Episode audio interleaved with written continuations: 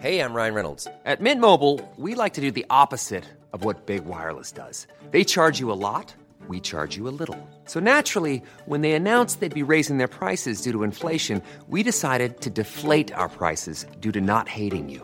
That's right. We're cutting the price of Mint Unlimited from $30 a month to just $15 a month. Give it a try at mintmobile.com slash switch. $45 upfront for three months plus taxes and fees. Promo rate for new customers for limited time. Unlimited more than 40 gigabytes per month. Slows. Full terms at mintmobile.com.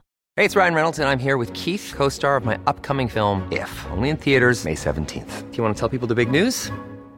All right, I'll do it. Sign up now and you'll get unlimited for $15 a month in six months of Paramount Plus Essential Plan on us. Mintmobile.com slash switch. Upfront payment of $45 equivalent to $15 per month. Unlimited over 40 gigabytes per month. Face lower speeds. Videos at 480p. Active Mint customers by 531.24 get six months of Paramount Plus Essential Plan. Auto renews after six months. Offer ends May 31st, 2024. Separate Paramount Plus registration required. Terms and conditions apply if rated PG. Hey, Dave. Yeah, Randy. Since we founded Bombus, we've always said our socks, underwear, and t shirts are super soft. Any new ideas? Maybe sublimely soft. Or disgustingly cozy? Wait, what? I got it. Bombus. Absurdly comfortable essentials for yourself And for those facing homelessness. because one purchased equals one donated. Wow, did we just write an ad? Yes. Bombas. Big comfort for everyone. Go to bombas.com slash ACAST and use code ACAST for 20% off your first purchase.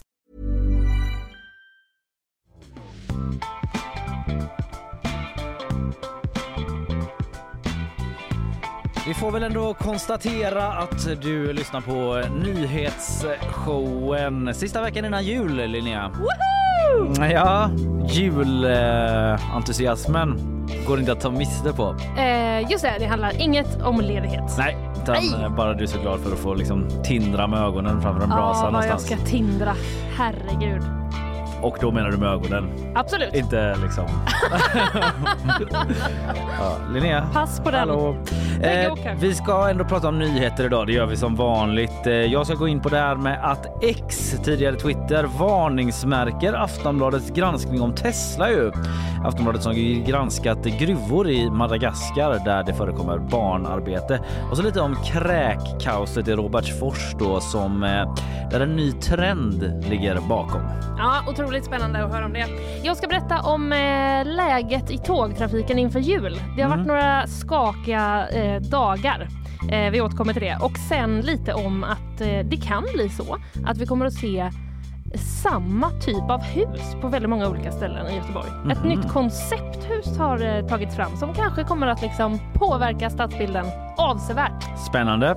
Gäster får vi också. Vi har, vi har eh, stor sammanfattningsvecka den här veckan. Mm. Vi kommer eh, från och till då gå igenom lite olika årshändelser och listor. Först ut vår egen chefredaktör Kristoffer Ahlqvist kommer hit och vi snackar om nyhetsåret 2023. Vad har vi läst mest? Vad har engagerat mest och så vidare.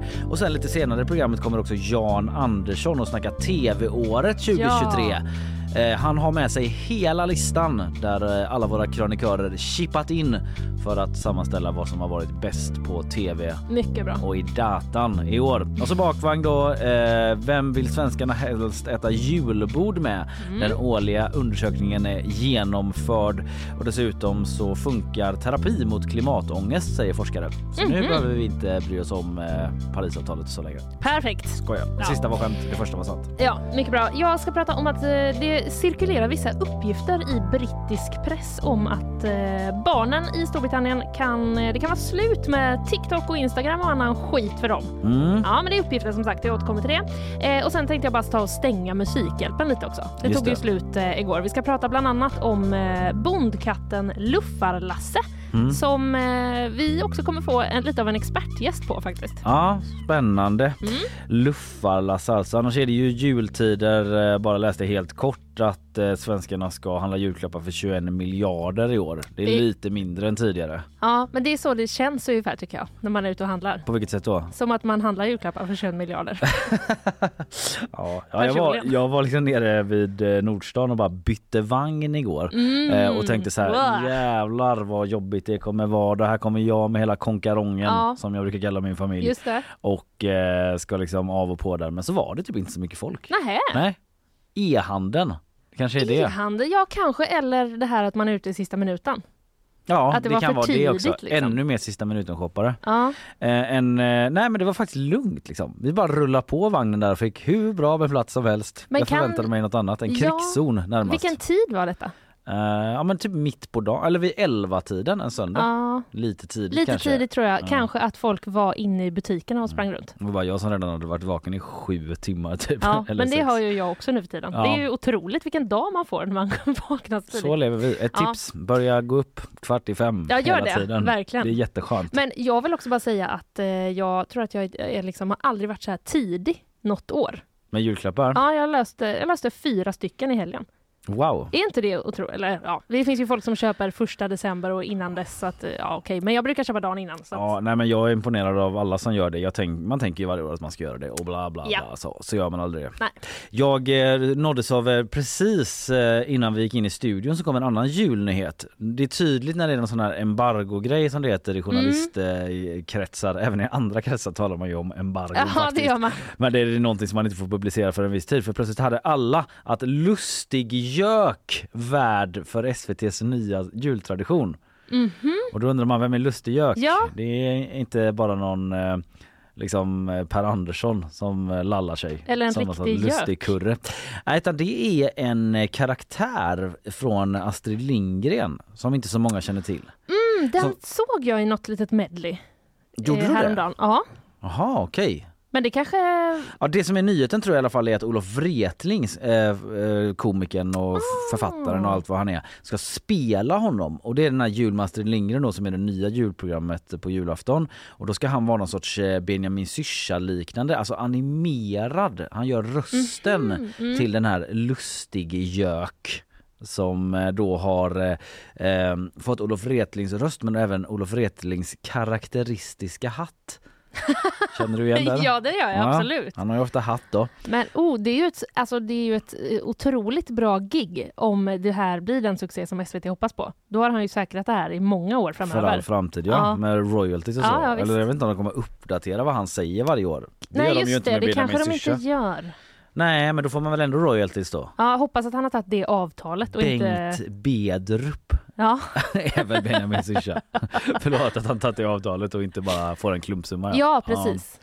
Ja, nej men han har varit in- inblandad i produktionen i ett och ett halvt år. Han säger att det var liksom Oj. väldigt krävande. Han liksom låg på golvet och flaxade och flämtade otroligt intensivt. Jag var helt svettig när jag gick därifrån, säger han till TT då. Method acting. Mm, han har verkligen gått in i rollen som eh, lustig gök som vi alltså kommer se på söndag den 24 i 12 som ju alltså är julafton.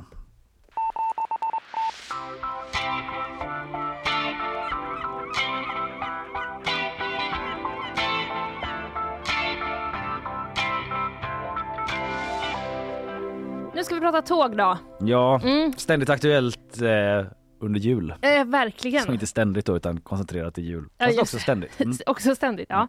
Eh, och som du mycket väl känner till, eh, Kalle, så kan det vara så ibland att man väljer en nyhet och tänker det här tar vi, det blir toppen. Ja, och sen under de, eh, den lilla stund man lägger på att förbereda sig, då kan det hända grejer. Don't I know it sister. Så att eh, det här är väl ett typexempel eh, på det. Vi kan väl avslöja redan nu att ni kan vara lugna folk. Mm. Det kommer ett lugnande besked. Det kommer gå bra med tågen. jag vill ändå backa hela bandet Ja. och bygga upp spänning. Ja, nu när du har läst så Nu mycket. när jag har läst på så mycket Ja. och kan. Eh, jag får försöka göra det lite som en saga kanske så det blir intressant ändå. Vi tar oss tillbaka till torsdag kväll förra veckan. Torsdag kväll, jag är där. Du är Det där. var inte så målande. Du Nej men, så okej, jag hade inte förberett så mycket.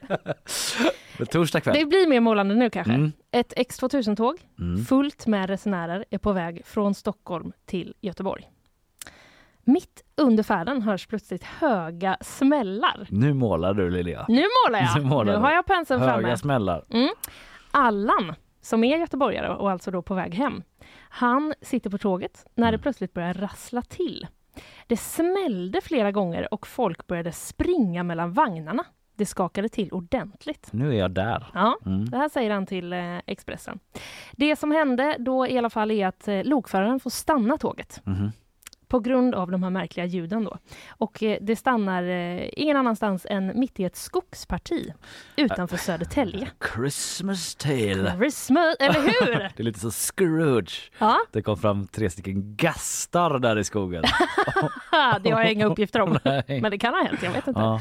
Ehm, I alla fall, eh, full, tåget eh, stannar då i mörkret i det här skogspartiet utanför Södertälje och där får de stå i två timmar enligt Mm. Expressen. Och lyssna på de här gastarna. Och lyssna på gastarna eller berätta mysiga julsagor för Så kan det varandra. ha varit. Så kan det ha varit. Just det, det är typiskt sånt, alltså allas eh, långkörarserier har Ja, alltid något sånt flashback-avsnitt där de blir fast Ja, någonstans och så måste de precis. byta historier. Ja, Om det hade varit en sitcom eller tv-serie Ja. så hade det varit ett sånt avsnitt. ja. Alltså jag har ju ingen aning, men jag ser ju framför mig hur två främlingar Mm, möts, möts. och blir kära på det här tåget eventuellt. Ja. Eh, tillbaka till fakta Mm. och eh, inte så mycket målande i alla fall. De kunde då evakueras över till ett annat tåg vid midnatt. Mhm. Mm. Eh, och enligt eh, SJs presskommunikatör då, Martina Nord så hade det här tåget fått en hjulskada. Eller, ja, en hjulskada. ja, Ja. inte pun intended. Eh, men Men alltså på eh, tågets på tågets hjul. Alltså. Ja. Ja. precis. det var inte så att alla bara sjöng tomtegubbar och de var tvungna att stanna. Eh, så var det i alla fall och de fick evakueras då. Dagen efter på fredagen, då ställde SJ med kort varsel in ett stort antal avgångar. Mm. Nio andra X2000-tåg hade samma hjultyp som det här tåget. Jaha, då var man tvungen att kolla det Ja, då. det här måste vi så att säga ta till en försiktighetsåtgärd och besiktiga de här eh, hjulen och tågen innan de Mm. kan rulla igen så att inte samma sak händer. Jag såg flera personer, eller åtminstone två, det kanske inte har med de här tågen att göra, men som liksom inte kom fram till Musikhjälpen såg jag på Instagram för att det var liksom strul med tågen. Alltså bara att det har varit lite tågstrul i helgen Ja. då. Jag vet inte om det hade att göra med de här julrelaterade eh, problemen. Nej, det vet eh, faktiskt inte jag heller. Men man skulle i alla fall besiktiga då nio tåg som befann sig i trafik. Mm. Fick man ta, ta ur trafik. Och i fredags så sa då också Marcus Fleetwood, presstalesperson på SJ, eh, han sa till oss då att det kan bli aktuellt att göra den här typen av besiktning på alla X2000-tåg. Alla X2000-tåg. Alla. Och då är det snart jul om man ska resa. Ja, då blir man men- ju sk- skakis. Eh, för det första vet inte jag exakt hur många X2000-tåg de har. Nej. Och sen så lät det inte på honom heller nödvändigtvis som att det skulle ske nu, nu, nu, nu, nu. Nähä, okej. Utan det kanske de tar lite pö om pö Mm. när folk har kommit hem igen. Eh, det kanske också låter lite att det bara är nio tåg som ka- ska kollas på.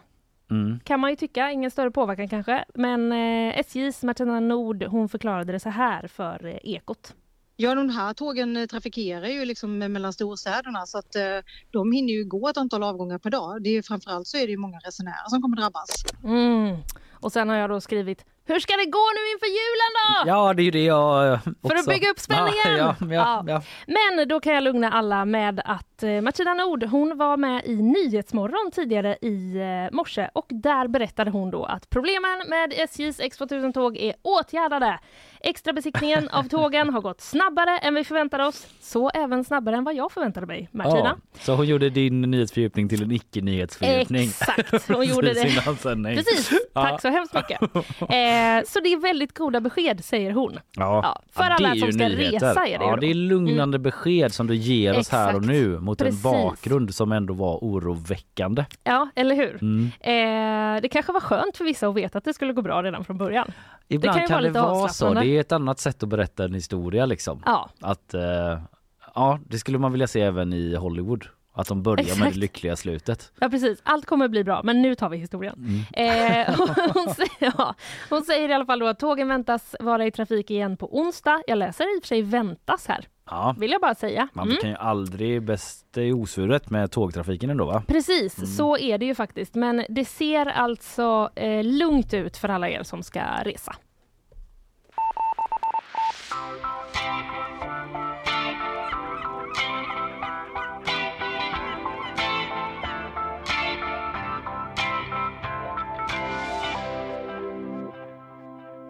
Jag vet att du sett det Linnea, för vi pratade om det förut, men att Aftonbladet ju har granskat brytningen av glimmer Mm. i gruvor i Madagaskar. Otroligt namn på någon slags mineral va? Ja precis, det var eh, nyheter för mig att det kallas så. Mika heter det internationellt eller mica på engelska. Och det är alltså mineral som är viktigt när man producerar elbilsbatterier då. Jag tror att det är ett samlingsnamn för någon typ av Aha. mineral det här med glimmer. Eh, lite osäker på det men det är också en mineral som bryts av barn då i de här gruvorna i Madagaskar där Aftonbladet varit på plats och pratat bland annat då med de här barnen som, eh, som liksom kryper ner i de här gruvorna. De har väldigt dåliga, för att säga inga i vissa fall, verktyg.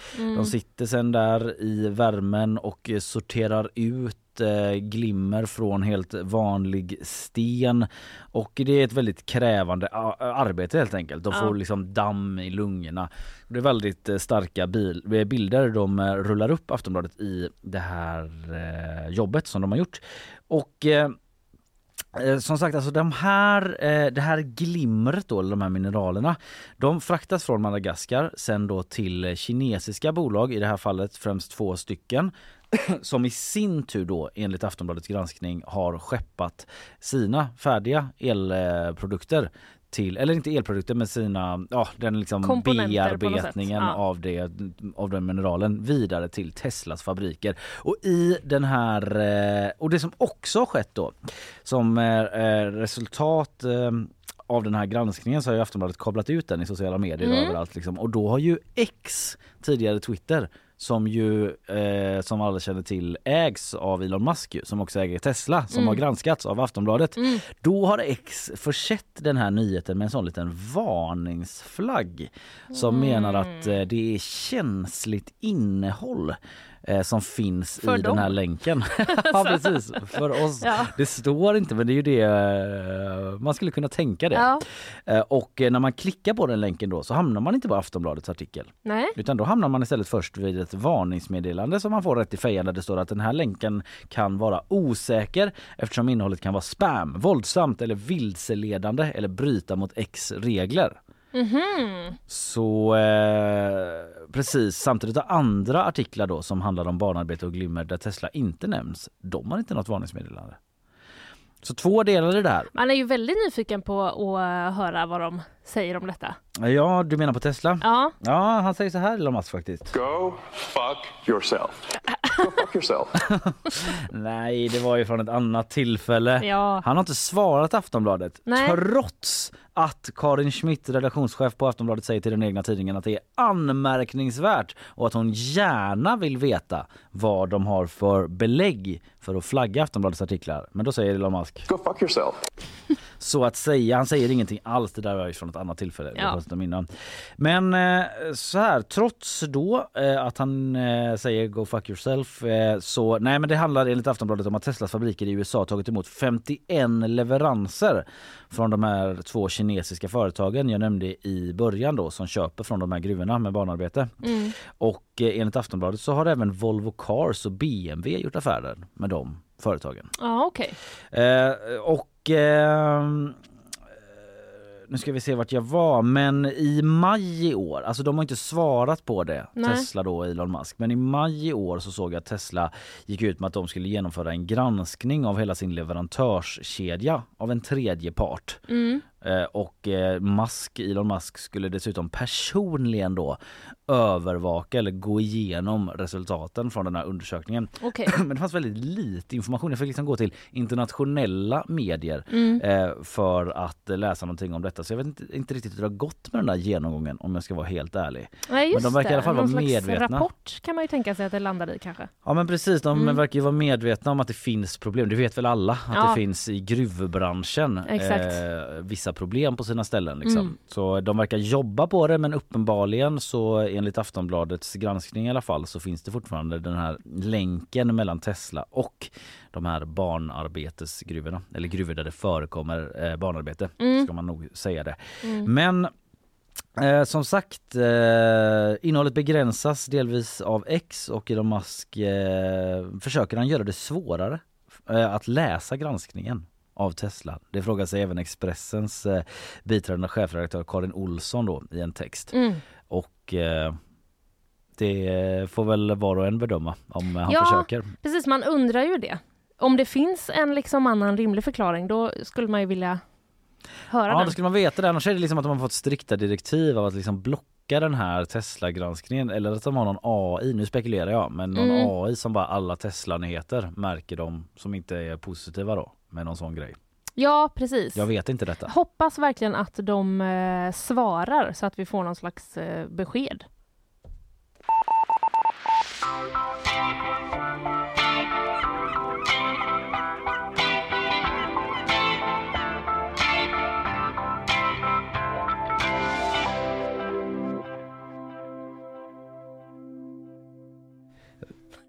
Jag ska berätta sen för dig Linnea vad det var som var Gör så det. himla roligt. Jag hörde bara att he, hur hela studion började gapskratta. ja, Och, här du, satt jag och hörde ingenting. Nej, du hörde bara jingeln. Ja, jag hörde Jag ska bara berätta för dig sen.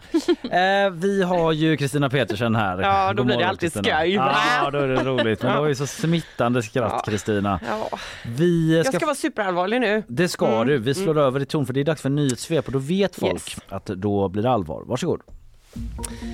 Israels militär säger sig ha hittat den största Hamas-tunneln i Gaza hittills. Tunneln uppges vara 4 kilometer lång och tillräckligt bred för ett fordon att passera.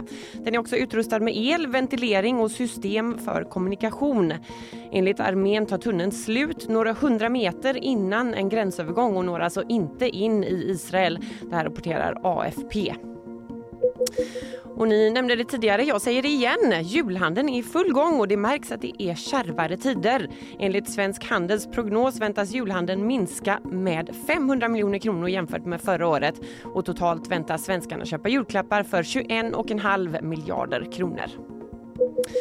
Och handbolls-VM är över och Sverige blev på nytt utan medalj. Bronsmatchen mot Danmark blev dock en riktig rysare då Sverige efter en dålig start lyckades kämpa sig tillbaks och mot slutet av matchen följdes de båda lagen åt. Men det blev till slut vinst för danskorna med 28-27. Tack Kristina. Varsågod. Är du handbollstokig? Ja, men, ja, jag var tyvärr inte hemma i början av matchen och sen bara insåg jag att den här pågår och sen satt jag bara tokskrek de där sista tio Ja. minuterna Var hemma i tv-soffan. Galet som det kan bli. Ja, det var faktiskt helt crazy. Ja. Mm, det var det. Oerhört jämnt Ja. resultat blev det ju. Ja. Ja, Nej, det var superspännande. du, det var synd att man missade. Ja. Men eh, det kommer nya chanser. Det gör det. Hoppas vi.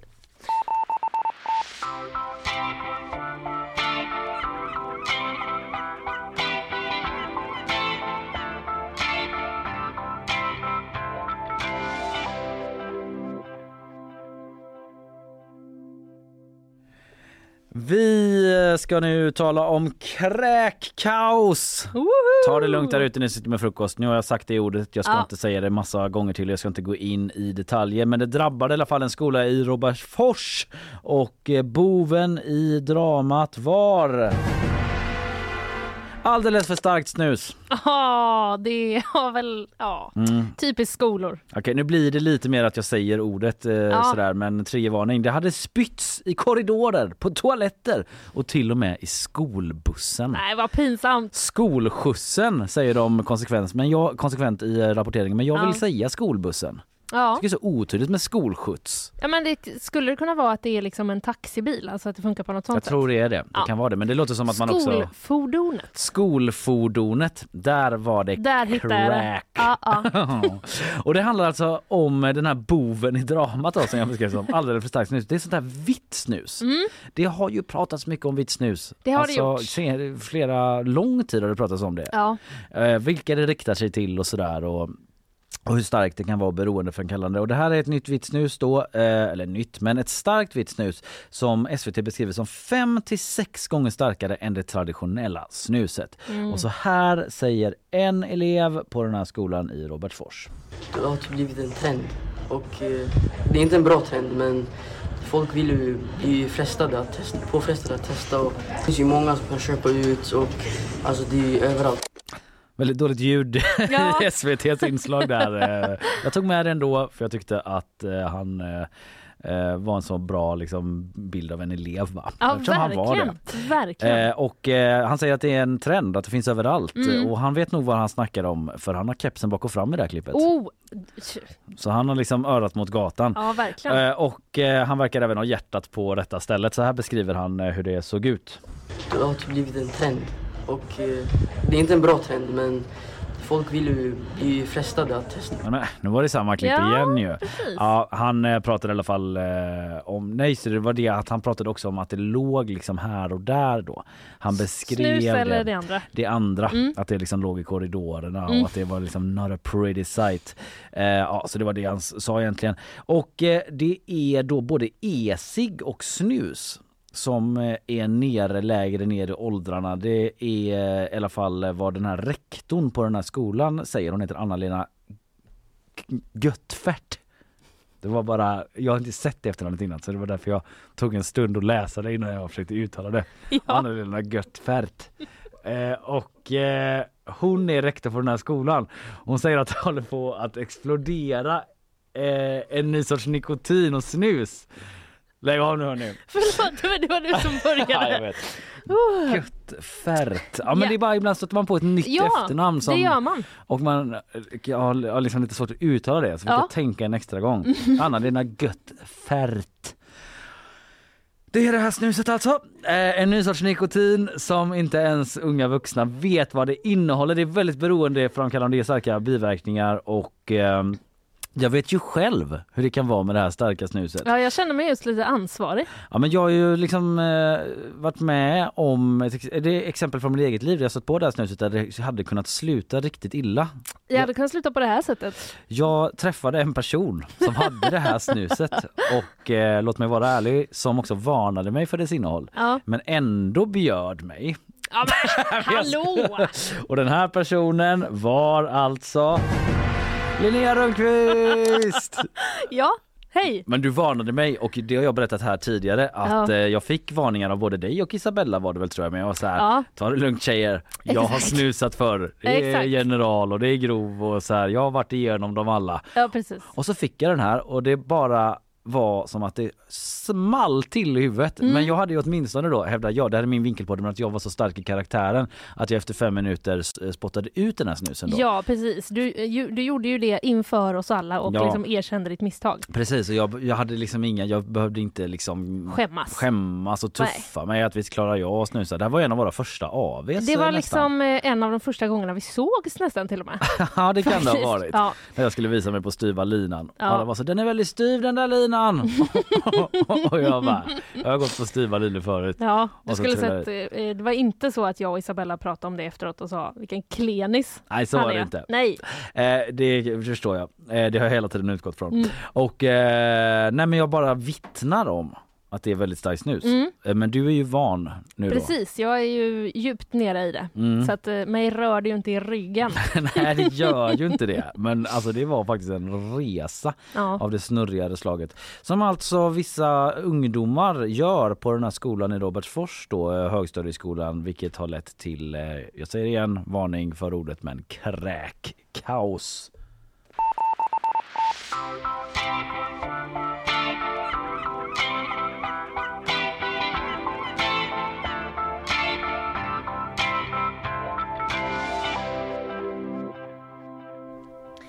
Nu ska vi prata arkitektur Ja! igen. Tillbaka med arkitekturen, alltid kul. Det byggs ju så mycket i den här stan. Så är det, men eh, och det känns ändå som att det var ett litet tag sedan vi gjorde det Ja, sist. det var det faktiskt. Så jag tycker det känns som eh, att det är på sin plats. Vi har ju pratat då om eh, socialdemokraten Johannes Hulter. Mm. Han har också varit här på besök.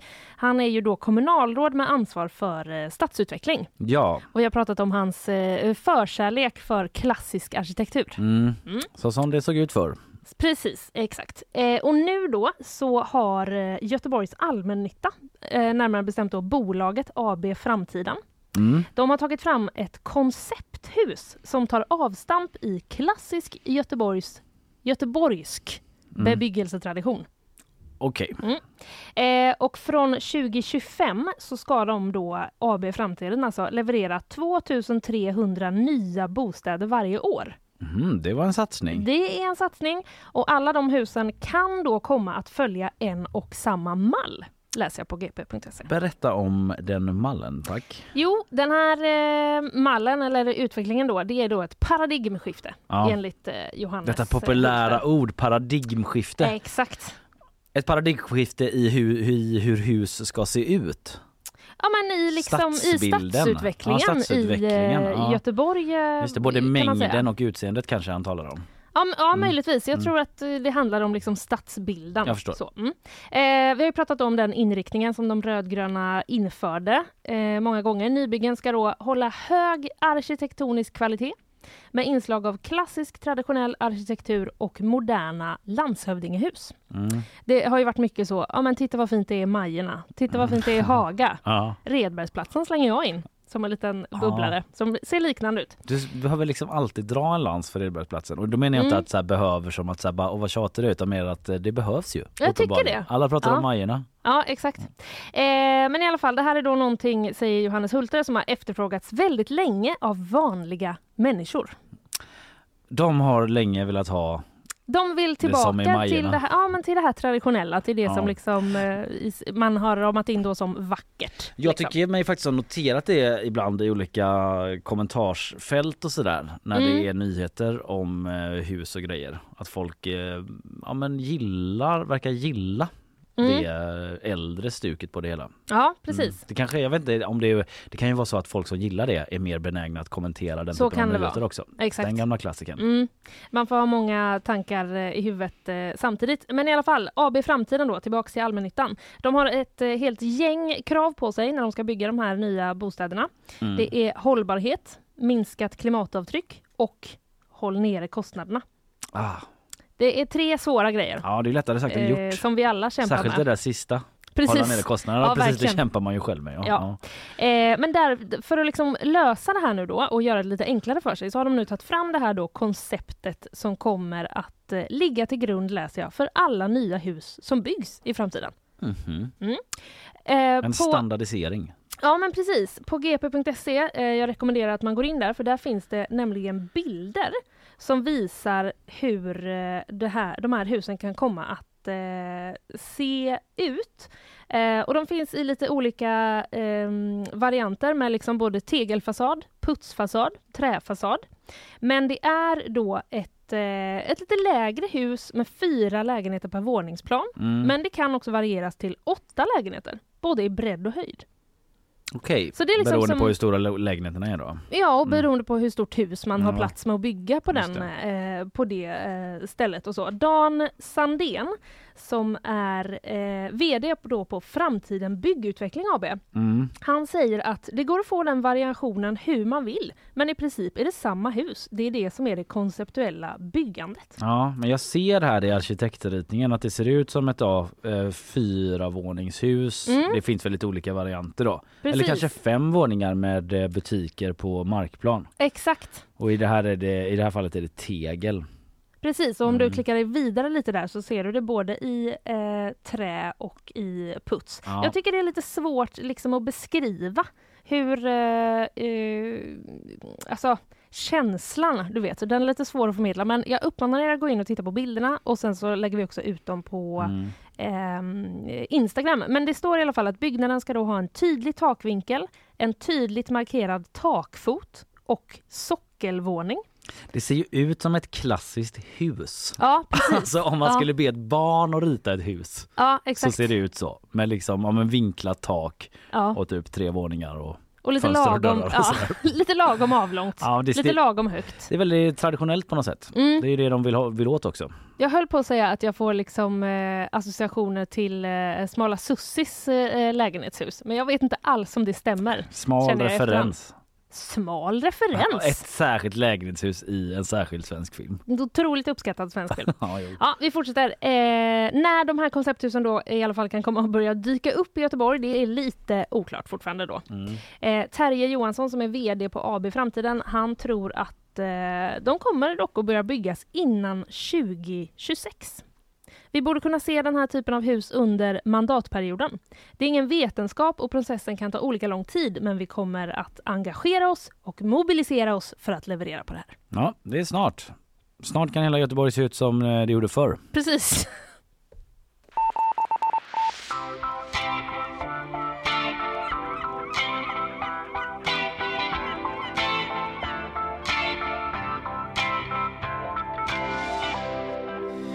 Det är den där tiden på året där man liksom börjar blicka tillbaka en del över året som gått och det kommer vi göra i några olika nedslag den här veckan. Eh, Kulturåret men också nyhetsåret och det ska vi ta tag i alldeles strax tillsammans med vår egen chefredaktör Kristoffer Ahlqvist. Han kommer hit och eh, går igenom lite vad som har engagerats och eh, lästs mest eh, från GP och lite snack om det blir det helt enkelt. Häng kvar! Thank you.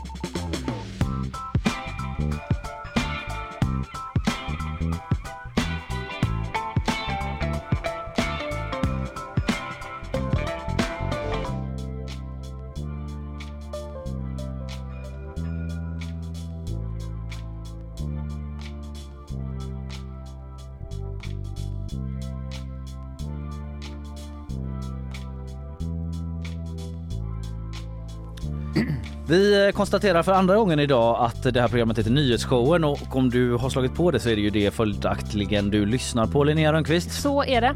Det är riktigt. Kalle Berg heter jag och eh, vi är ju framme vid den tidpunkten på året och vi gillar liksom att blicka tillbaka lite också. Ja, årskrönikemyset. Mm, det största myset. Vad har vi pratat om egentligen? Det är så lätt att glömma av i den här strida strömmen av nyheter och nu så ska vi hugga tänderna i nyhetsåret 2023.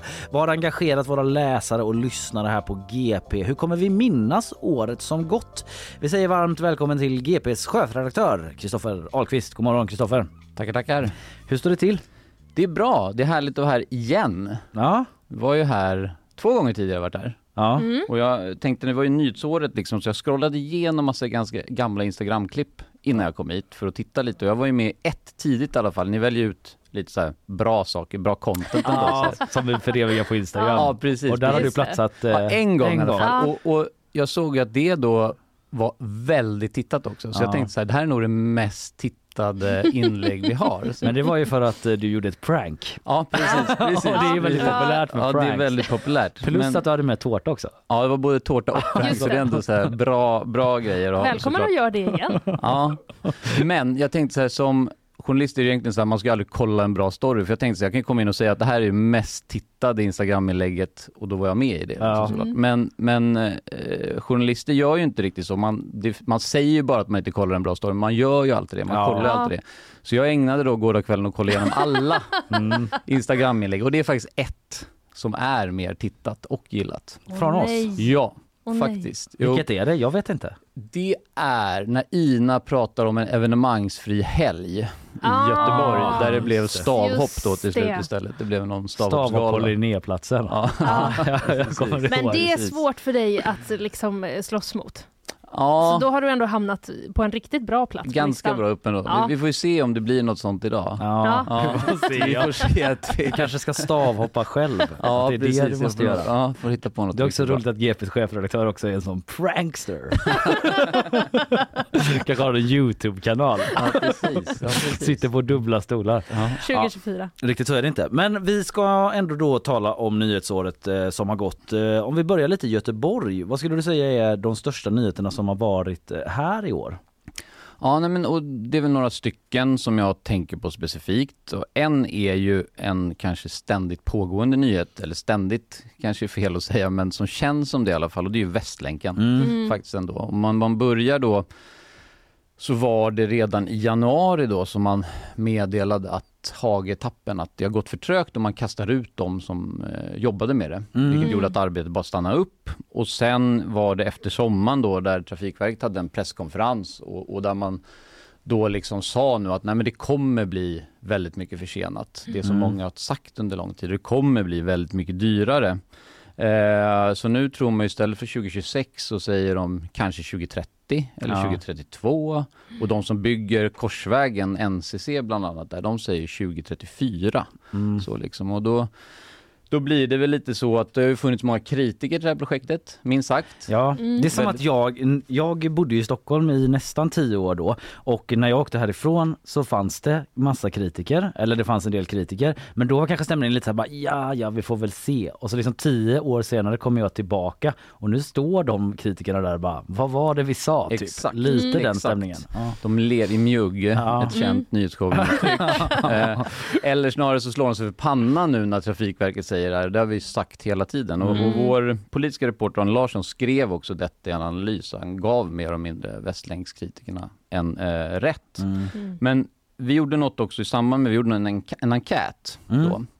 Och det kanske är något så här utdöende, journal, utdöende journalistisk eh, form Mm. faktiskt i den digitala världen. För i print var det mycket lättare än papperstidning. Liksom. Då fyllde man gärna ut med en enkät vad folk säger. Ja, att man som- går på stan liksom. Ja, man går på stan och bara frågar lite folk, vad tycker du om det här? Liksom. Mm. För det, det är ju inte riktigt ett statistiskt säkerställt underlag att fråga åtta göteborgare om vad de tycker Mm. om Västlänken. Så, liksom. men, men, men det ger ändå någon lite, lite, lite färg till det Mm. hela.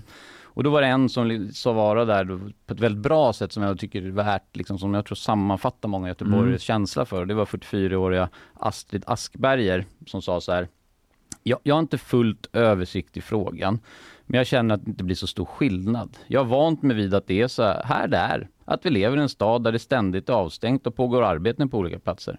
Någonstans är accepterat läget. Mm. Och det känns lite där någonstans vi är med Västlänken, liksom, att folk har bara gett upp. Liksom. Ja. Så här kommer Ja. det se ut nu liksom, för all framtid. Det känns ju som att eh, det finns liksom en generation som bara har eh, vuxit upp när det inte finns något mer än olika plank runt om i stan. Precis, precis. Men det har blivit också saker, det är ju som konstverket borta vid Operan där till exempel. Mm. Eh, så det har blivit lite inslag i stadsbilden kanske också som bidrar på något sätt. Så Mm. ni kommer ihåg det konstverket, det är en kvinna då som har benen särade. Det, det var ju varit, blev ju väldigt omdiskuterat Ja, också. Sen blev det, det. övermålat Målat, flera ja. gånger så det blev en stor Ah. konstdebatt där istället om det. Ja, det har ju ändå varit ett, ett konstdebatternas år ganska mycket i Göteborg också generellt Precis, med precis. Drömmarnas monument Precis. och den här nakna kvinnan i eh, Stadshuset va? Som Precis. de ville få bort. Skulpturen. Skulpturen, ja det ska jag vara tydlig med.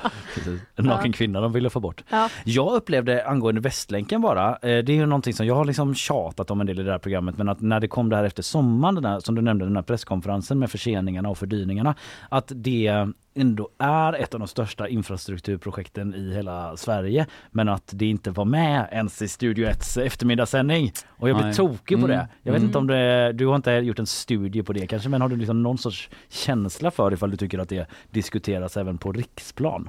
Ja, nej det tror jag inte det gör Nej. alls. Så liksom, jag håller helt med och där är ju faktiskt, jag, jag har skrivit det en gång tidigare i ett av mina nyhetsbrev tror jag, för då var det Aktuellt eller någonting, då sa de så ja nu börjar sportlovet i Sverige. Var det då, eh, när Stockholms sportlov börjar och Göteborg har redan haft sitt sportlov. Ja, liksom, just så här. Det, det. är ofta Den grejen är den, den att man missar, det är ju extremt Stockholmscentrerat, Ja. eh, den nationella nyhetsbevakningen ändå. Ja, jag har tjatat eh, tillräckligt om det kanske men jag tänker just med Västlänken så blir det så himla tydligt eh, för Mm. att det är så himla stort projekt och det är Mm. ändå statliga pengar som Ja. går till det också så det är ju inte bara Göteborg. Ja, är det något mer från Göteborg eller ska vi Ja. gå vidare? Jo, absolut. Det är en del till. Ja.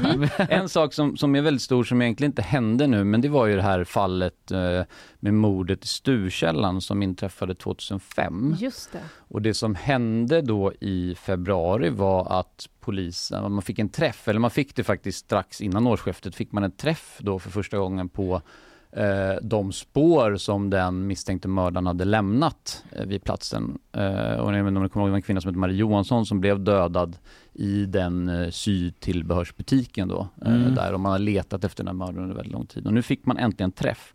Men det som var högst spektakulärt med det här då var att den misstänkte var vid tillfället då 2005 17 år.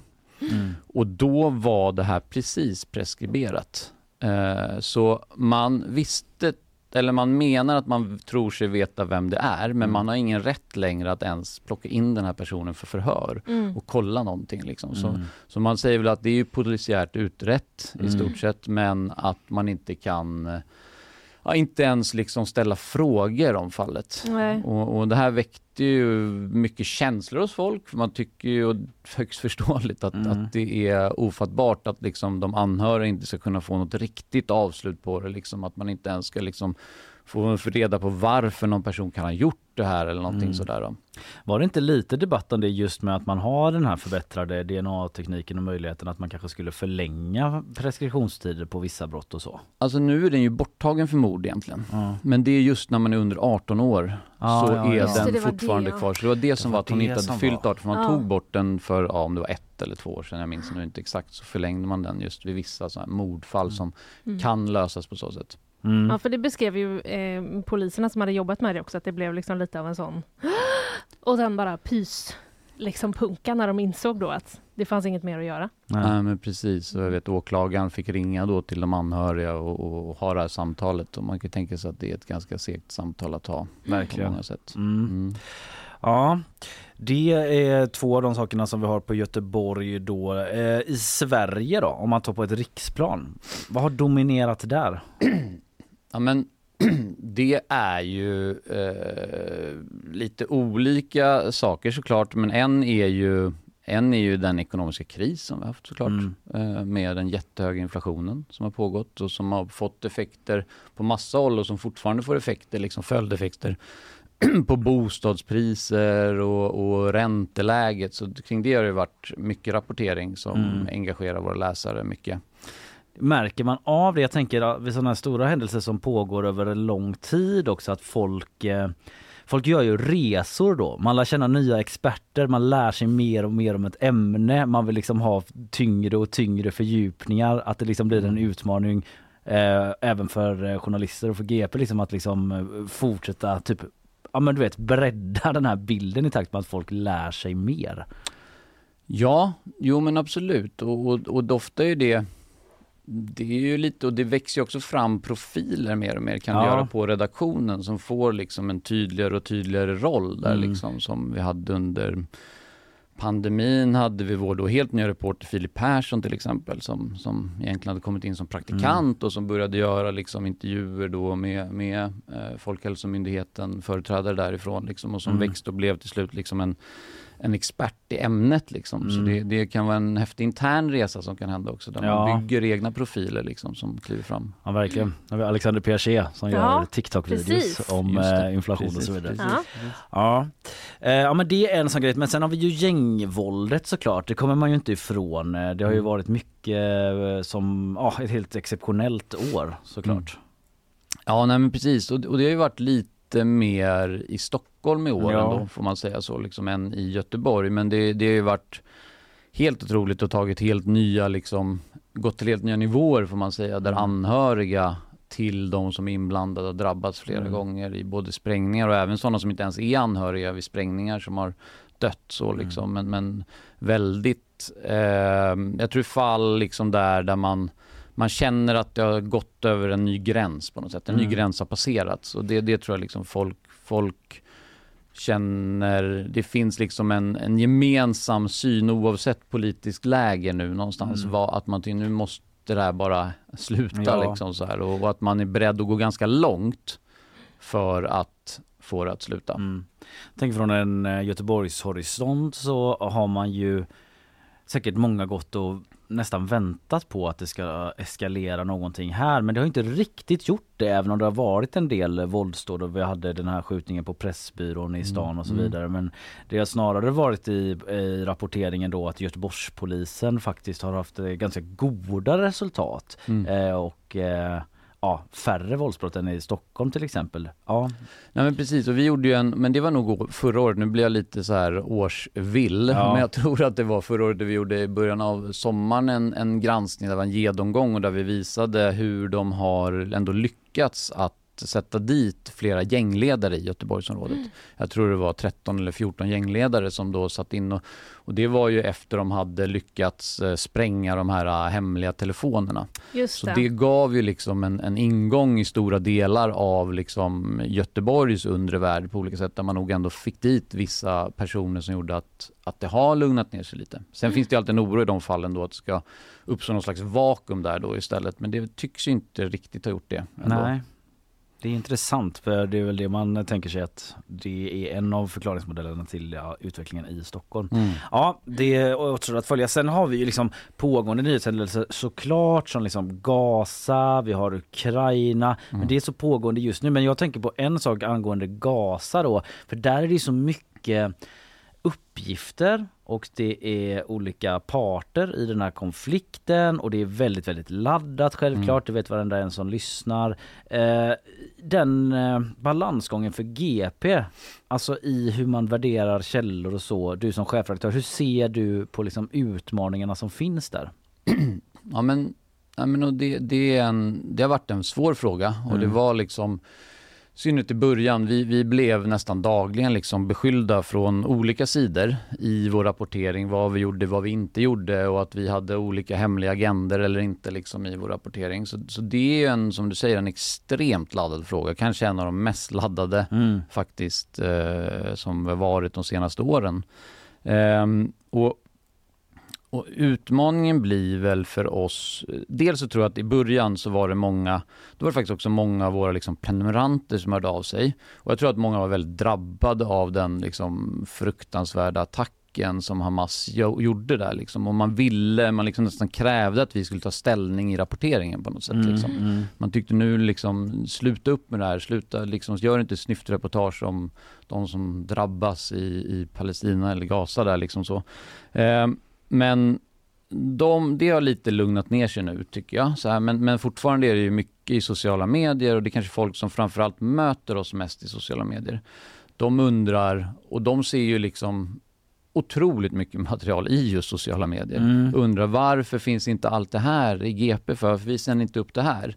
Och det är ju för att vi, ja, som ni vet såklart, måste ta helt andra hänsyn än vad folk gör där. Vi måste lyckas verifiera det här. Det blir ju ännu viktigare för oss när det är en sån här känsliga frågor att vi verkligen, verkligen får det verifierat väldigt säkert innan vi visar någonting utav det. För Vilket riskerar- blir ännu svårare när man inte har möjlighet att ha så många journalister på plats. Precis, då. det Mm. finns ju inte egentligen några, några eh, inga svenska journalister inne på plats i Gaza liksom. Det går ju inte att resa dit. Så, Nej. eh, så, så man får ju försöka förlita sig på de som finns där inne. Det fanns ju folk redan där inne då såklart innan.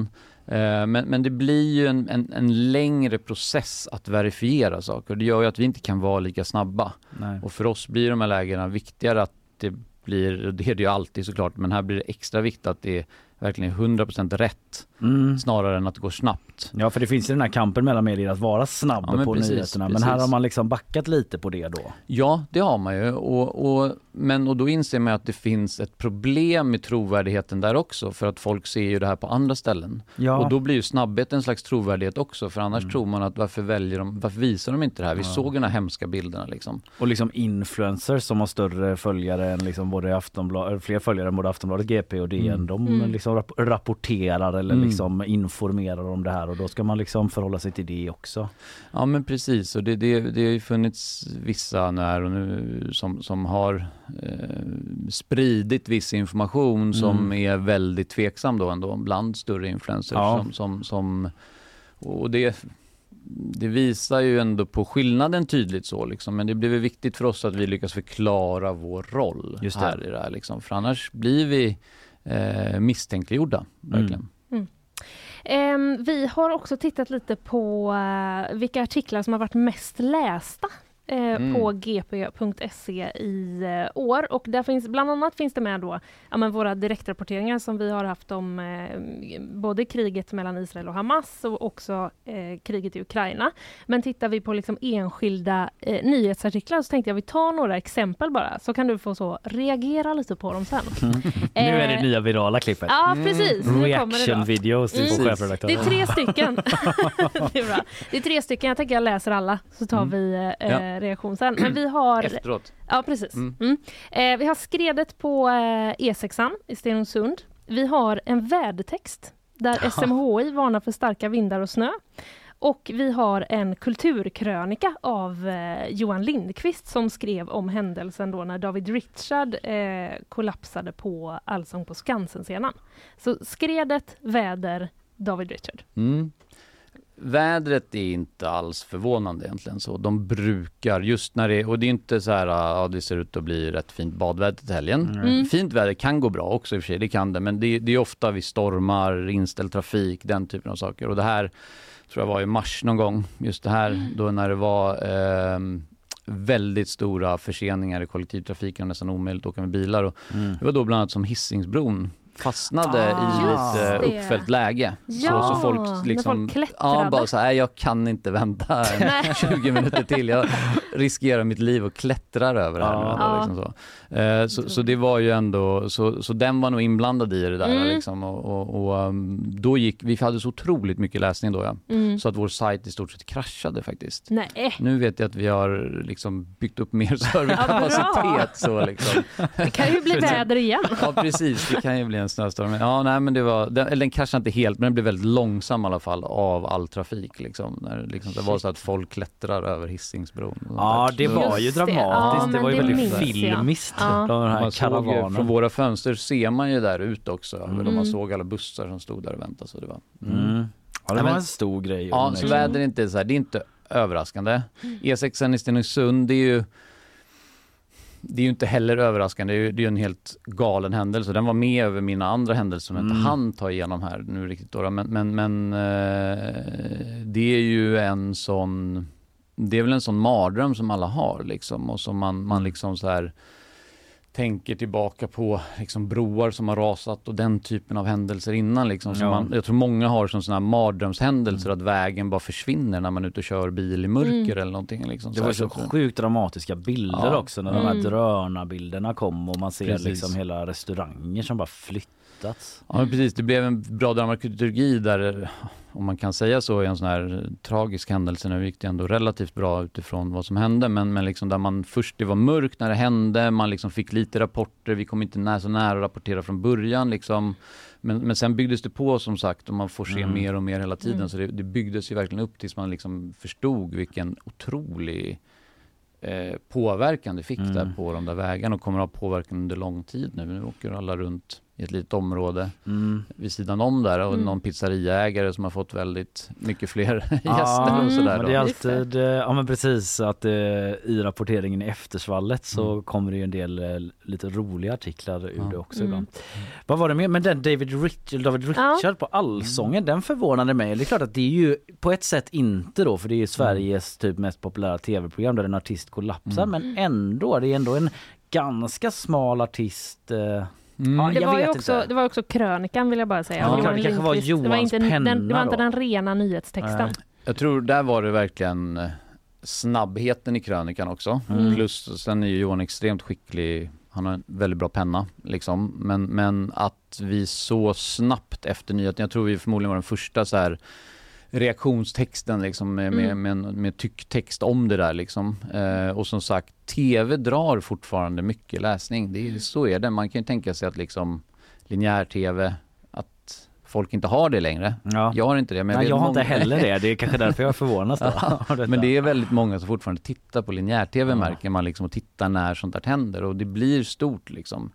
Ehm, så så jag, jag skulle, det är väl tvn, snabbheten i det som liksom gjorde det och det, vi vet en annan text som har gått väldigt bra under året det är Christian Wedel när han skrev om avsnitt ett av historien om Sverige. Just det, just det. Ja. Den ligger på tionde eller elfte plats tror jag i år Mm. hittills. Det är också i läsningen. Det är också, den skickades ju ut då efter sändningen linjärt. Men jag tror att strömningssändningen kommer nog ut 05 på morgonen eller tidigt Mm. på morgonen i alla Mm. fall. Liksom. Men det är ändå liksom i och med att man, man gör det där på kvällen så, så får man Mm. mer effekt. Och så, och så är det ju också det att det där är vår bästa lästid egentligen Mm på kvällen efter nio någon gång. Liksom. Mm. Många har börjat varva ner, liksom, man har fixat allt efter middagen. Småbarnsföräldrar kanske Mm. fått sina barn i säng och sådär. Liksom, och då, Då ska har vi lite se tid. vad Christian Wedel Ja, Ja, precis. Men ja. då har folk tid att läsa liksom. Ändå, Mm. så här. Det märker man tydligt. Ja det kan man fatta. Men du, det har ju varit lite av ett eh, krisår för media också det här året på flera eh, håll eh, så har man fått eh, skära ner. Även här på GP har man liksom fått, eh, vad säger man, omorganisera har vi gjort Mm. här. Hur tror du att det kommer påverka på ett generellt plan eller kommer det påverka journalistiken under nästa år? Ja, det kommer det nog göra. Det tror jag såklart. Det är ju många som har sparpaket i medierna nu. Liksom. Så, så det, det tror jag absolut att, att det kommer vara lite färre journalister när vi går in i det här nya året än när vi gick in i förra året. Mm. Eh, och det är klart att det, det kommer göra det. Sen tror jag samtidigt att, att det som har hänt om man jämför liksom med när medierna var i kris eh, 13, 14, 15 där någon gång var att, var att man liksom inte då såg man nästan inte en ekonomiskt hållbar framtid för journalistiken överhuvudtaget. Liksom. Nej. För man bara förlitades på en räckviddsmodell digitalt, att man skulle ha annonsintäkter. Eh, och det var Så få- många som möjligt skulle läsa Ja, varje... precis. Och man, man lyckades liksom inte ta betalt. Man har inte lyckats börja ta betalt ännu för journalistiken på nätet. Eh, och, och det gjorde ju att, att liksom kvaliteten på journalistik, kan man säga så, var kanske inte riktigt lika viktig. När man bara måste nå så många som möjligt Ja, hela tiden. Mm. Mycket bildspel. ja. Mycket, mycket Ja. spetsiga rubriker. Ja, men precis. Men, Mm. men nu liksom har vi kommit någonstans där, där att få betalt på nätet är det helt mest avgörande för journalistiken. Då liksom. Och då måste du skapa unikt kvalitativt innehåll för någon ska vilja betala för det. Mm. Eh, och det gör ju att, att alla liksom i stort sett mediehus förstår att det värsta vi kan göra är att förstöra vår produkt. Liksom. Och det är ju att skära bland journalister.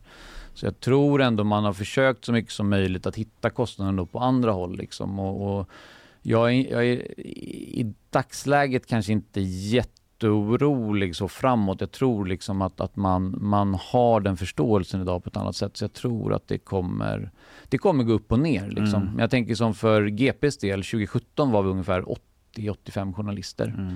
Och nu har vi fått skära ner lite men nu kommer vi vara 115 journalister eh, 2023. Så Mm. vi har fortfarande om man ser liksom på den senaste sexårsperioden så är vi ändå betydligt fler journalister som bevakar Göteborg och Västsverige. Ja, det kommer vi fortsätta med nästa år här från eh, GPs håll och eh, den som pratade om det, det var Kristoffer Ahlqvist, vår chefredaktör. Vi får se om eh, du lyckas slå viralt Mm. eh, på samma sätt efter den här Ja. liksom, reaktionen kring vädret där du sa att det generellt sett är ganska lätt. Det var riktigt one-liners där Ja, vi verkligen. får Så. se om våra liksom, klippare kan göra en sån thumbnail där du Precis. får sälja den citatet Ja, lite men de kanske kan så här, frysa när jag bara ser helt jättetråkig ut, så här, Ja. 20 sådana bilder eller någonting. Ja. Liksom. Så, så kanske det kan bli någon sån anti-effekt. Eller liksom lägga på ett beat och köra en sån här, vad heter det när man gör om rösten med au- autotune? Ja, just det. Kanske något sånt uh, Ah. freestyle-aktigt. Ja. Vi bollar det efteråt Ja. och så får du väl se resultatet på Instagram kanske Mm. under veckan. Tack så mycket eh, GPs chefredaktör Kristoffer Tack. Ahlqvist. Tack.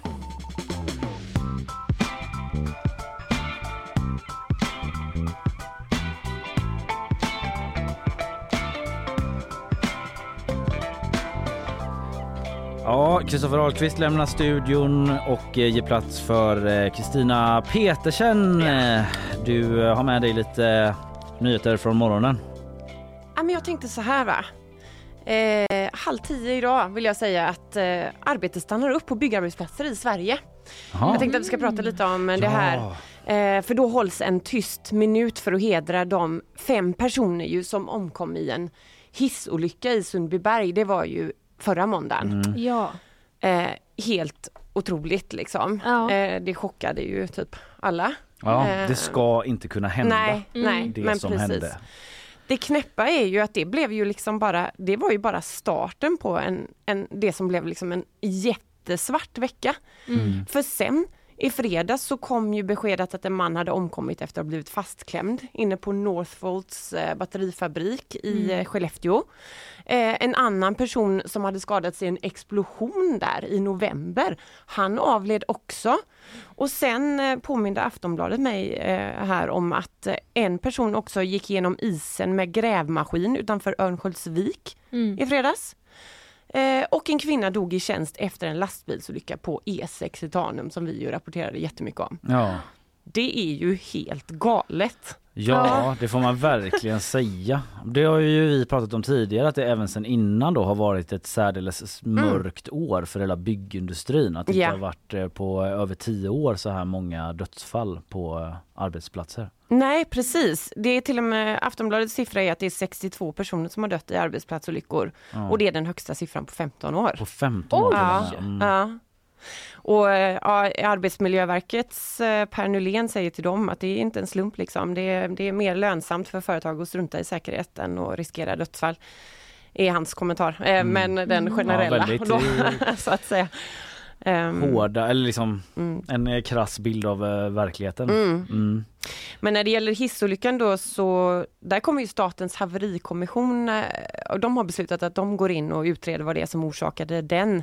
Eh, företaget som tillverkade hissen, de har ju gått ut och sagt att den var felmonterad. Mm. Eh, huvudentreprenören säger att den var besiktad och kontrollerad. Och eh, de externa utredarna har inte sagt något hittills, Mm. vad jag kan se. Nej, Eh, det de låter väl arbetet på ta sin det gång. beskedet Mm. ja. Mm. Eh, tack Kristina. Ja men det var det, Ja. 9.30 idag. Tyst minut också. Då vet vi det. Eh, tack, vi går vidare Mm. i programmet.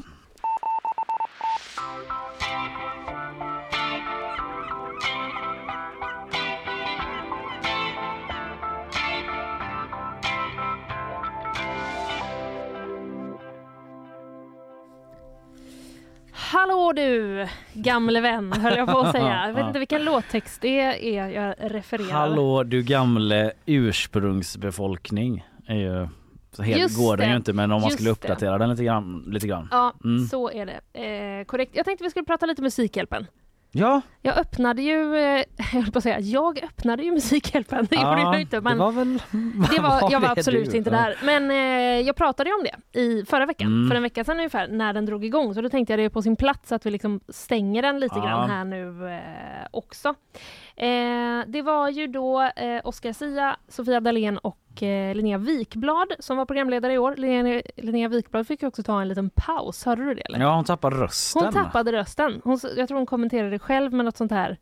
Det här är ju töntigt. Mm. Eller något sånt där. Ja men det var någonting om att, ja precis att hon tidigare haft den bilden att det typ Ja. bara är töntar och svaga människor. Hon har väl alltid lite glimten i ögat Linnea Ja. Wikblad. Men som gjorde det och nu har hon eh, trillat dit själv då. Aj, aj, aj. Men det gick ju fort eh, över och hon kunde ju eh, komma tillbaka igen. 59 och en halv miljon kronor.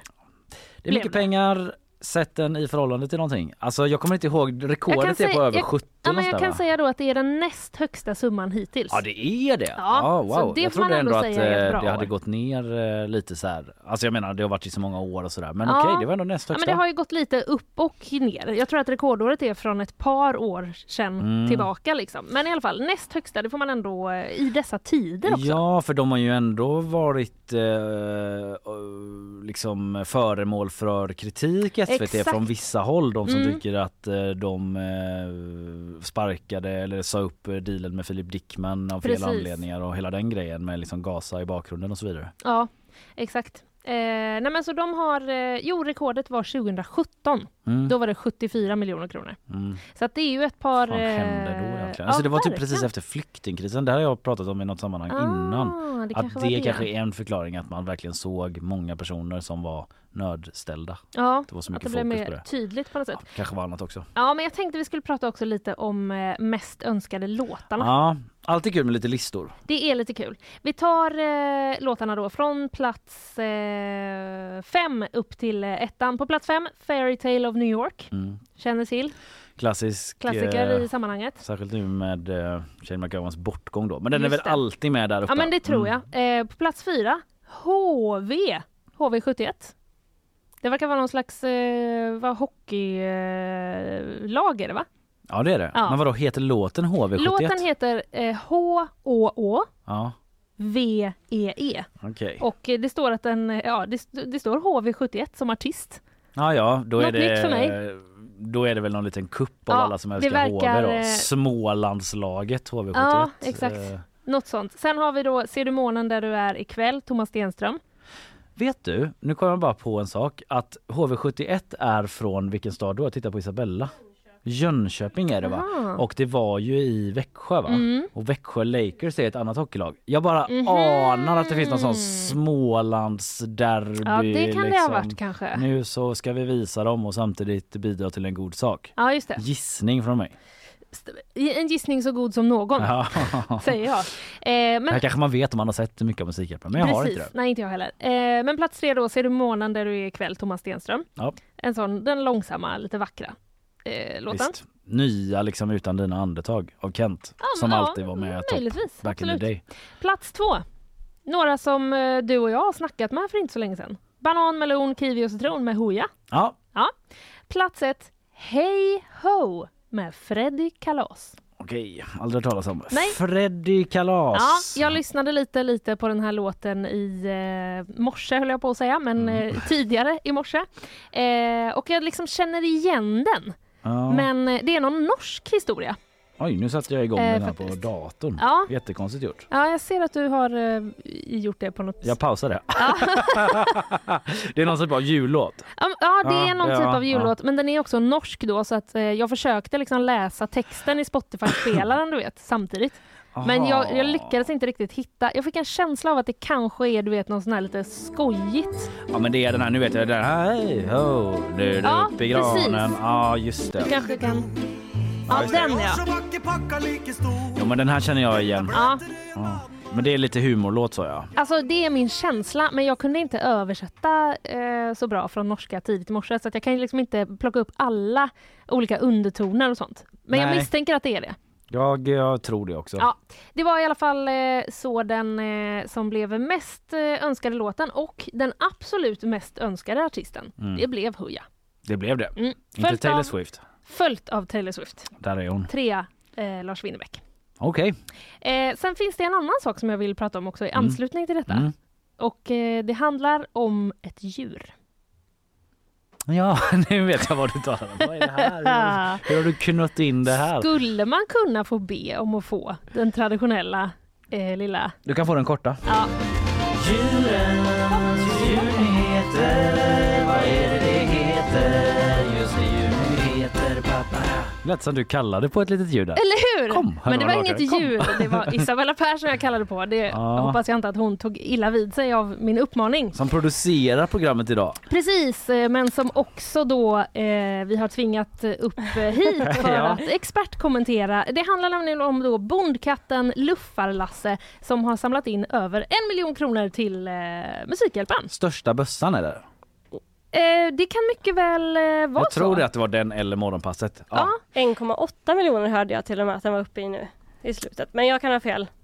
Eh, ja Över- precis, över över en en miljon. Mm, över en miljon, exakt. Ni ställer de eh, svåra frågorna. Jo men de vann Eh, mot morgonpassets bössa. Ja. Det är Katten Luffar-Lasse mest eh, insamlade pengar. Ja, starkt. Mm, eh, I alla fall, den här katten då, Luffa-Lasse, verk- eh, visar sig ha kopplingar till Trollhättan. Och det har ju även... eh, Trollhättan presterar. Ja, och det har ju även Isabella Persson kopplingar till. Ja. Och när vi började prata om det här i morse så visade det sig att du känner till den här katten. Nej men grejen var att jag kände inte alls till den. Nej, där det var det. Nej, att du, hade jag kände som att du aldrig- var helt out of touch Jag bara, från ditt nej, arv och alltså din jag bara, bakgrund. Vad är det typ. här? Och så var det liksom som att man skrev i nyhetsartiklar att det var en sån lokalkändis i Trollhättan. Jag bara nej, nej, Ja. nej, nej, nej. Alltså det stämmer inte. Men då kollade jag upp det här. Ja. Ja. Jag gick, jag gick så långt som till min syster faktiskt och frågade vem är den här? Luffar-Lasse. Luffar-Lasse. Mm. Ja. Ja, Hon nej, bara, men, vet du inte det? nej men verkligen så. Ja, fint ska det vara där i storstan. Ja. Jag hade 39, det, han har en Facebook-sida. Jag hade 39 gemensamma vänner som följde den där.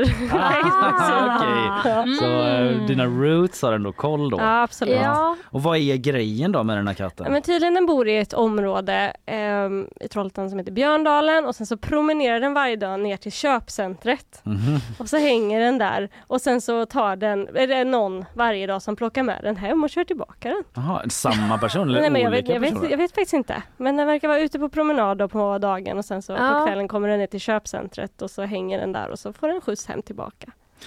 otroligt eh, ändå. Ja. Enligt uppgifter till dig då så ska den liksom få en, En rondell. En rondell. Ja, den ska få en rondell.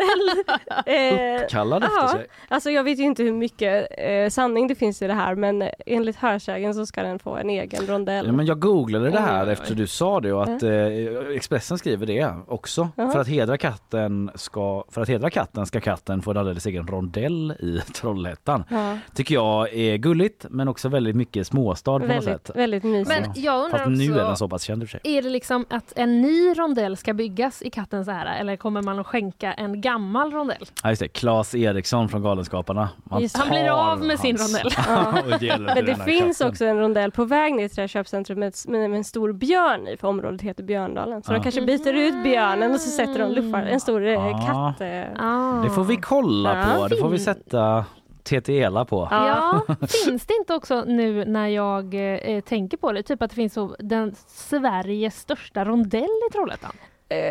Eller har jag bara hittat på det här? Jag tror inte det stämmer. Nej. Det känns som att det, är, eh, det känns som att det finns större rondeller Mm. både i Göteborg och Stockholm och Ja. Malmö. Men Hörni, vi pausar sidospåren.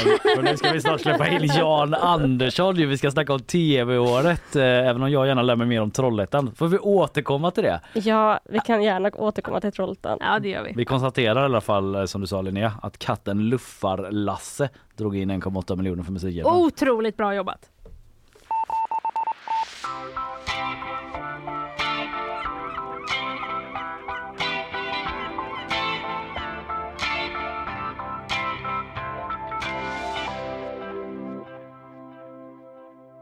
Hej Jan! Ja.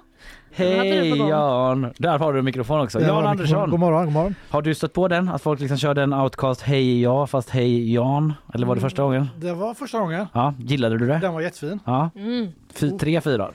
Habilt liksom intro till dig. Mycket så. Nästa gång du är med så ska jag då ska jag klippa ut Hej ja med Outcast så ska du liksom få gå på till den som i en, när det är Lovar du det? Ja, talkshows i USA. Ja, gud så vad får man glad jag alltid gå blir. på Ja. till en låt, då ska du få Hej ja med Outcast. Ja. Men eh, det är ju inte därför du är här, för att lyssna mig pitcha, höra Så. mig pitcha liksom Vad besviken jag olika... blev. Olika intron Ja. bara. Även om eh, det också hade varit ett kul inslag. Men vi ska prata Ja. TV, alltså vi sitter ju och sammanfattar året som gått här lite Mm. grann under Mm. veckan. Vi hade Kristoffer Ahlqvist med, snackade nyhetsåret, tv-serier. Det är väl ändå det som livet kretsar kring. För väldigt många, inte bara för dig. Det låter. ja, nej, men det, det har varit ett bra år tycker jag. Eh, nästan alla tv-år är ju bra om man vet hur man ska leta.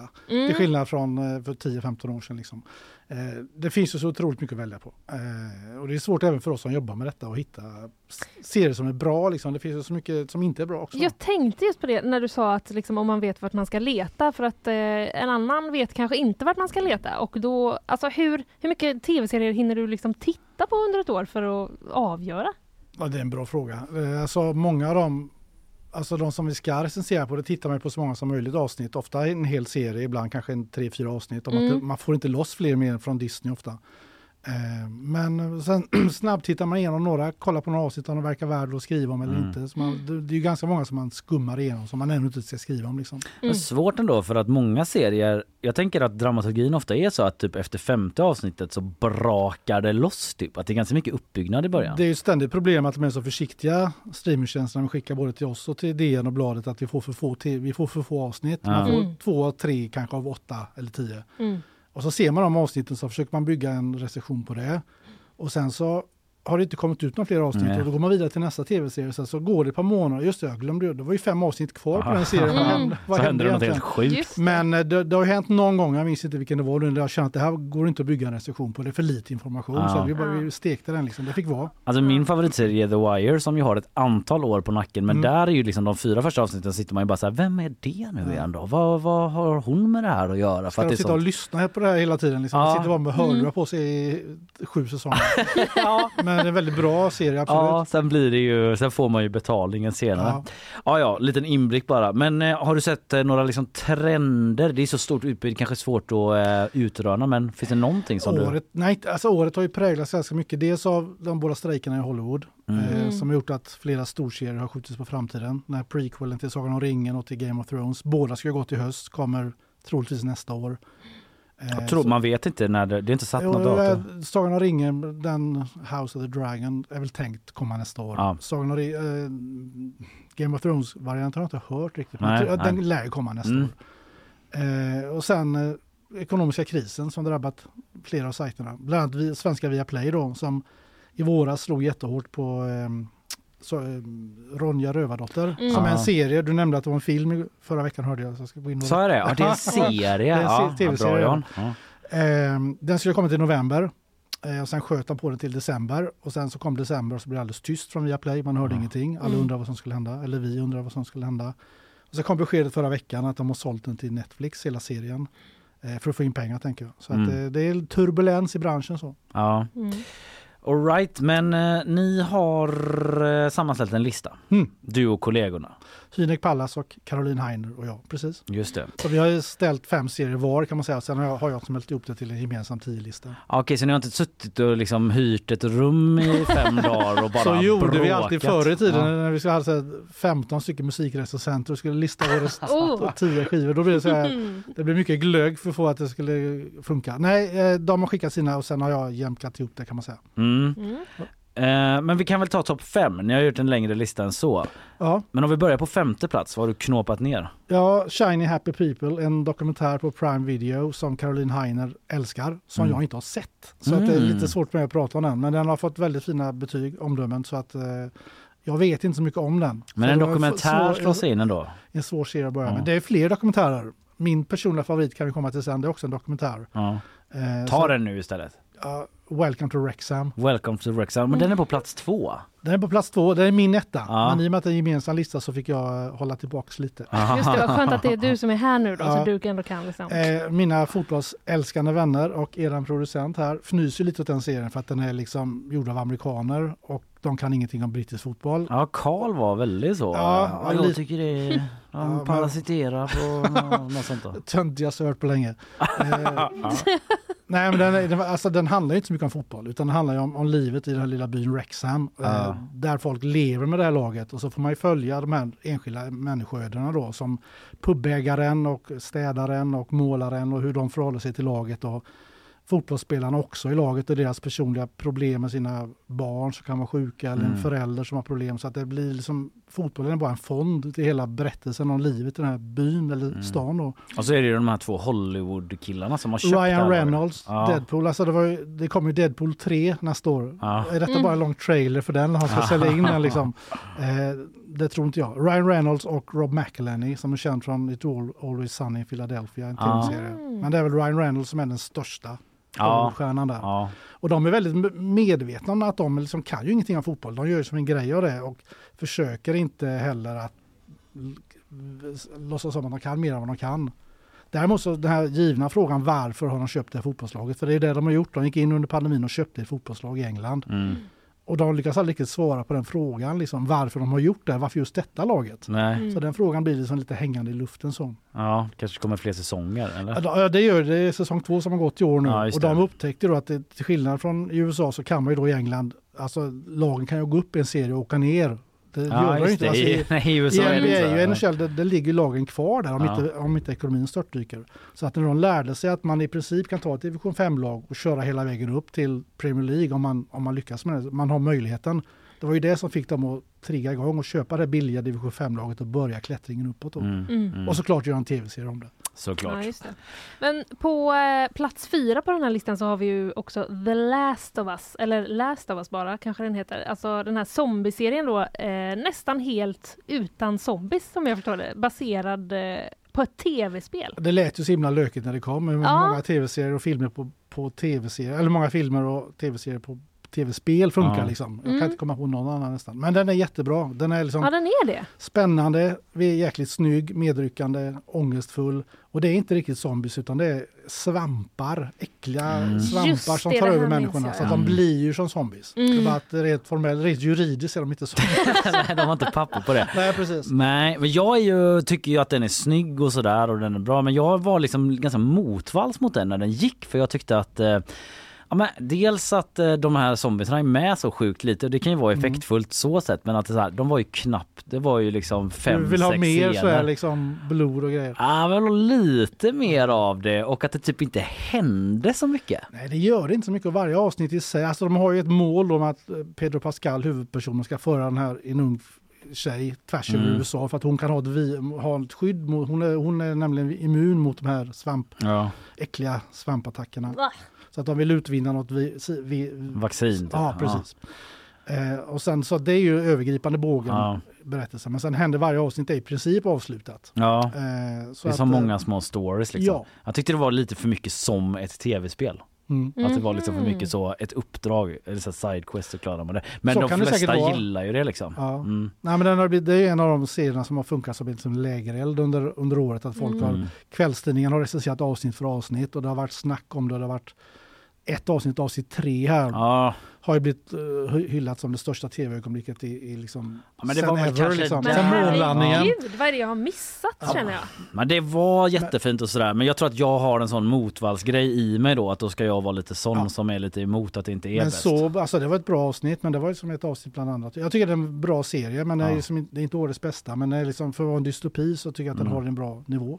Vi får snabba på lite. Mm. Ja. För, eh, ja, vi kan väl bara nämna då att eh, på plats eh, tre så hade ni eh, danska hu- Huset som handlar om ett fängelse och hålla samman en svensk serie både på SVT Play. Men vi skippar om lite för nu och så tar vi nummer ett. Där är det ju!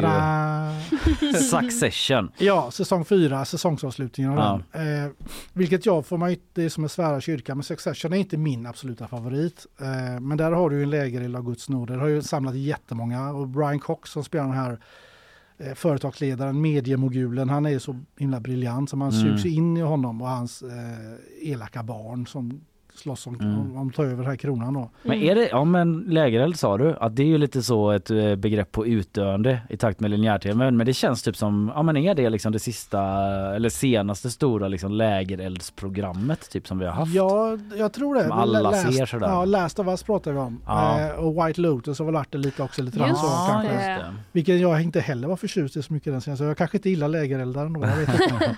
Men eh, det kommer ju säkert någonting. Jag tror inte att det är på väg ut. Det kanske blir, inte blir fullt så ofta. Men det är klart att det kommer någonting annat än Succession nästa Mm. år. Men det är helt, eh, det är helt liksom, nu är det slut. Ingen mer Succession. Det tror jag inte. Nej. Inte vad, inte vad jag har sett. Nej. Kan du äntligen tänka dig att se den nu då? När den har blivit Har du inte ett. sett den alls? Nej, jag har inte sett den. Alltså, du säger varje gång Succession kommer på tal så säger du ja, den som ni sjuka människor aldrig har Ja, sett. du och Karl. Jag och Karl, ja. Alltså, jag har absolut Vad inget tittar emot... du på då? eh, pff, eh, jag har faktiskt alltså jag har halkat ur och tittat på tv-serier jättemycket nu under hösten. Det hade vi ju alla på nyhetsshowen ett eh, Ja, läge det där vi gjorde. period. Och sen har jag liksom inte riktigt hittat eh, tillbaka igen så att jag är ju idel öra på den här eh, listan. Det kanske kan bli lite success. Success. Mm. Success. Ja, Succession för bli. dig. Ja men du har ju den framför dig. Ja. Unnar jag dig ändå. Är det, för det är inte förstört liksom av att jag ändå hörde Nej, jag tycker jag inte. Men grejer, eh, det finns ju andra serier du kan börja med också. Jag undrar Ja. vilka, vilka streamingsajter har du? Eller vilken? eh, Netflix, Ja, och det är tyvärr ingen med på Netflix i år. Disney plus. Du får kolla listan på Wrexham sajten. har du där. Wrexham har jag Ja, där. har du Mm. Wrexham. Mm. Jan Andersson, alltid nöje att ha dig med. Vi eh, tackar dig eh, för den här gången. Ni kan läsa hela listan där ni har radat upp eh, de tio bästa Absolut. på gp.se. Tack ska du ha Jan. Tack så mycket.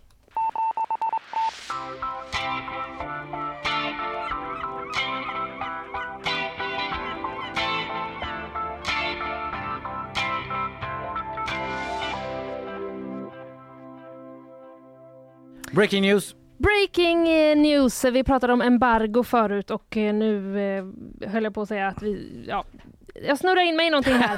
Det jag vill säga Ja. är att Västtrafik ska återinföra civila kontrollanter. Ja, det har de inte haft på ganska länge. Och Nej. nu kör de. Det, var, det liksom var lite tissel och tassel. Kan det hända minns jag för ett tag sedan. Ja, det Ja. har jag också för mig när de pratade om att de skulle liksom eh, ta krafttag kring biljettkontrollen. Vill de inte säga det riktigt men nu är det alltså klart. Ja, de har, inte gjort, eh, de har inte använt det här på många, många år men vi hoppas och tror att många sympatiserar med att vi är tvungna att göra detta, säger Lars Backström, Västtrafiks VD, som ju var här i vintras faktiskt och. Ja, pratade lite om, om eh, detta. Om att han satt fast eh, på en buss ganska länge i snökaoset. Precis. Men nu var det detta. Ja, det får vi väl se om folk kommer att ha förståelse för det. Jag tänker att Mm. eh, sällan, alltså det är ett ganska tufft jobb som det är. Alltså både parkeringsvakt och kontrollant. Ja, ja, ja. liksom, Det är, inget, eh, det är kanske inte det roligaste bemötandet man får alltid. Nej, och de som, eh, att, eh, som har biljetten i ordning och blir kontrollerade, det kanske inte så ofta folk är så här, vilket bra jobb ni gör. Ni tar verkligen ansvar för Nej. att det här systemet ska hålla Nej, ihop precis. liksom, och att rätt ska vara rätt. Mm. Att de inte får höra det, det är snarare typ så att någon bara typ så försöker springa ifrån Ja, dem. exakt. Eller också så inte pausa sin musik och bara visar upp biljetten och inte säger hej, kanske Ja. tillbaka. Mm. Usch vad jag känner mig träffad av min egen berättelse. Det har nog hänt någon gång. Ja. Eh, ja, så är det i alla fall. Totalt ska biljettkontrollen, eh, då öka från 3 till 11 miljoner. Va? Tre miljoner biljettkontroller varje år. Kontroller, har inte Ja, kontrollanter. inte kontrollanter. många Hela konsulter. Sveriges befolkning ska jobba med detta. Kontrollera varandra. Eh, nej, men från 3 miljoner kontroller då till 11 miljoner eh, kontroller. Och det handlar ju såklart, eller som man misstänker om, att då säkra företagets intäkter. Mm. Man kan läsa ännu fler eh, svar på frågor om detta på Mm. vår sajt gp.se där det finns eh, en längre artikel om detta att eh, man inför civilkontrollanter på spårvagnarna. Annars har vi idag pratat om SJs befarade tågkaos, tågkaoset som aldrig blev. Precis, det var Eller en... det var ju, men, ja. ja. det var en liksom spännande dramaturgi på den nyheten. Mm. Men lugn allihopa inför jul. Det verkar som att eh, tågen kommer gå som planerat. Rela, ja precis, relativt lugnt får man väl säga. Precis, Man vet ju ja. aldrig. Nej, det vet man aldrig. Man ska alltid vara orolig. Det tycker jag. Ett motto du har. Precis. Eh, Sen eh, pratar jag också lite om nya hus. Nu har allmännyttan i Göteborg tagit fram liksom ett koncepthus kan man säga. Mm. Eh, och de ska bygga en himla massa nya bostäder så att det finns eh, en möjlighet att vi kan få se liksom nästan samma typ av hus ploppa upp på flera ställen i Göteborg. Mm. Någon slags landshövdingehus eh, Ja. Svårt att förklara men vi lägger upp bilder på Instagram. Jag snackade om Aftonbladets granskning av eh, mineralgruvor i Madagaskar där barn bryter de här elbilsbatterimetallerna som enligt Aftonbladets granskning sedan har hamnat i Teslas fabriker. Och då gjorde X så, alltså som Elon Musk också äger, att man varningsflaggade eh, Aftonbladets artikel om den här granskningen. Det försökte jag reda lite i den historien. Också om eh, snuset, det starka det. som eh, skapat kräkkaos Mm. på en skola och nu varnar eh, rektorn där för den här nya trenden. Sen hade vi Kristoffer Ahlqvist här, vår chefredaktör, gick igenom nyhetsåret. Vi blickar ju tillbaka lite den här veckan då och då över året som gått. Vi gillar ju de listorna. Ja, det gillar man. Det gör man och Kristoffer hjälpte oss att sammanfatta nyhetsåret 2023. Eh, ja, vi är tillbaka imorgon igen. Mm.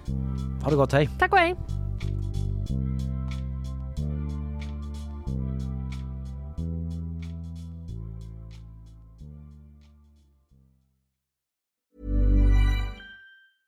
Even when we're on a budget, we still deserve nice things. Quince is a place to scoop up stunning high-end goods for 50 to 80% less than similar brands. They have buttery soft cashmere sweaters starting at $50, luxurious Italian leather bags, and so much more. Plus, Quince only works with factories that use safe, ethical, and responsible manufacturing. Get the high-end goods you'll love without the high price tag with Quince. Go to quince.com slash style for free shipping and 365-day returns.